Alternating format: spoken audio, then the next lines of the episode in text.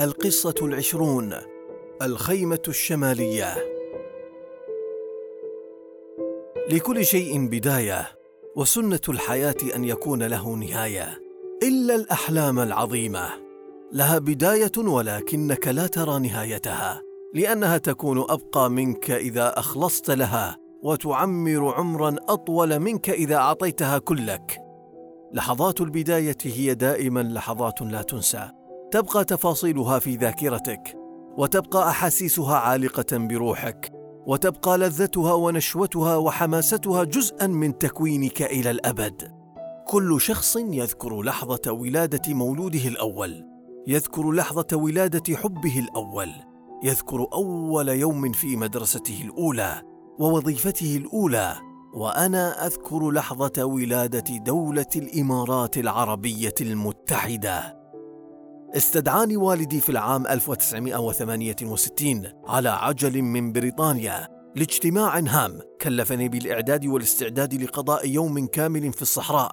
كلفني بالإعداد لاجتماع بعيدا عن أعين المتلصصين والمتربصين بعيدا عن أصحاب النوايا السيئة الذين كانوا لا يحبون فكرة الاتحاد لا يحبون اجتماع الكلمة لا يحبون لهذه القبائل المتناثرة والإمارات المتصالحة أن تقوم لها قائمة أو أن تجمعها دولة.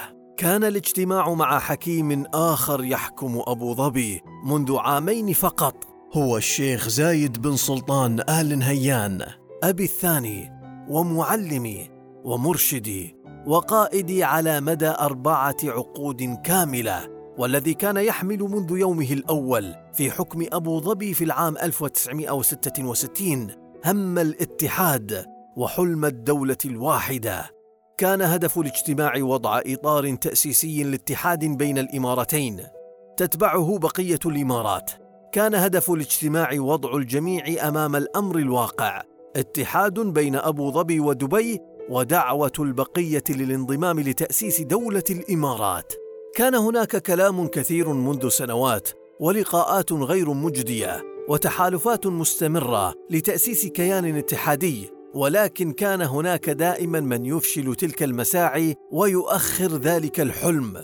حتى جاء ذلك الاجتماع ليحسم الأمور. كان اجتماع الشيخين في منطقة عرقوب السديره الكائنة بين أبو ظبي ودبي هو اللحظة التاريخية التي حولت حلم الاتحاد إلى حقيقة ومنه بدأت نقطة لا عوده لتأسيس دولة الإمارات. كنت قد سبقت الشيخين بنفسي لاختيار المكان كنت الأكثر معرفة بالصحراء بين إخوتي وكان والدي واثقا بحسن اختيار مكان اللقاء. نصبت خيمتين واحدة للشيخين حيث جعلت موقعها مواجها لنسيم الصحراء العليل وثانية لنا لنجلس فيها. أشعلت النار لطهي الطعام وفي قلبي نار من الحماسة والإثارة لمثل هذا اليوم الذي عرفت بأنه سيكون له ما بعده. عرفت أن الكلام الذي نسمعه من سنين طويلة عن تأسيس دولة واحدة سيصبح واقعا حقيقيا بعد هذا اللقاء. جهزت كل شيء. ووصل الشيخان مع رجلين أو ثلاثة مع كل منهما ودخلا الخيمة الشمالية منفردين لبدء المناقشات. نعم من الخيمة الشمالية في الثامن عشر من فبراير عام 1968 بدأت دولة الإمارات في الخيمة الشمالية. اتفق الشيخان على تأسيس اتحاد ثنائي. في الخيمة الشمالية اتفقا على البنود التالية. علم واحد نظام صحي واحد نظام تعليمي واحد. أنظمة إقامة مشتركة في الخيمة الشمالية أيضا. حدث شيء لا يحدث في بلاد العرب ولن يحدث لعقود طويلة حيث تنازعا الرئاسة في تلك الخيمة. طلب زايد أن يكون راشد رئيسا للاتحاد الجديد وراشد يبتسم ويحرك سبحته بيده ويقول أنت الرئيس. في الخيمة الشمالية دار نقاش حول هذا الموضوع وشد وجذب حتى وافق زايد أن يكون رئيسا ومد راشد يده له متفقا وموافقا ومباركا. أذكر ما حدث في الخيمة الشمالية اليوم بعد خمسين عاما وقلبي يعتصر على دول عربية أضاعت حياة الآلاف من شعوبها وأهدرت المليارات من ثرواتها وخسرت سنوات من مسيرة تنميتها بسبب القتال حول من يحكم ومن يكون الرئيس. نعم نحن مختلفون في الإمارات وربما لذلك نجحنا.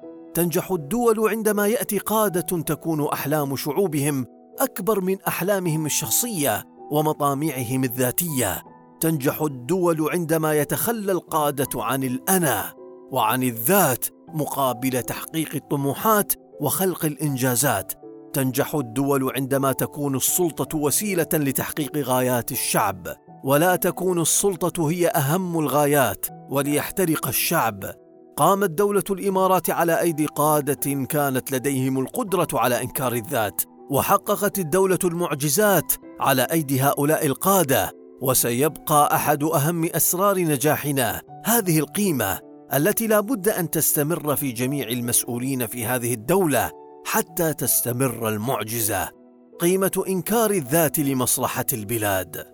لا بد أن نبذل جهودا كبيرة لترسيخ قيم الاتحاد قيم زايد وراشد. الإمارات لا يوجد فيها شخص أكبر من الاتحاد ولا يوجد فيها حلم أعظم من ترسيخ الاتحاد ولا توجد فيها طموحات لأحد إلا لمصلحة هذا الاتحاد.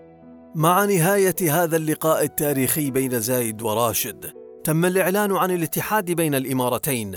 وخلال أيام ظهرت ردود فعل مختلفة إزاء اتفاق الاتحاد كان الملك الحسين ملك الأردن من أوائل الذين اتصلوا بوالدي للتهنئة بمشاعر يملأها الدفء والإعجاب ورحبت كل من الكويت والمملكة العربية السعودية بالاتفاق تبع ذلك تهنئة دافئة إن لم تكن مندهشة من طرف بريطانيا ولكن أكثر ما أسعدنا هو التهاني التي تلقيناها من الإمارات السبع الأخرى بما فيها قطر والبحرين. وقادتها الذين أعربوا عن أمنياتهم بالتوفيق. كان والدي سعيدا بهذا الإنجاز. إيصال اتحاد الإمارات إلى نقطة لا عودة وبدأت علامات الإجهاد والتعب تبدو عليه. قال لي في طريق عودتنا من عرقوب السديره بعد سكوت طويل. محمد الاتحاد الوليد بحاجة لحماية من الكثير من أعداء الداخل والخارج. اتفقنا مع الشيخ زايد. على إنشاء وحدة اتحادية مسؤولة عن الدفاع والأمن الداخلي. محمد أريدك أن تكون مسؤولا عن حماية الاتحاد.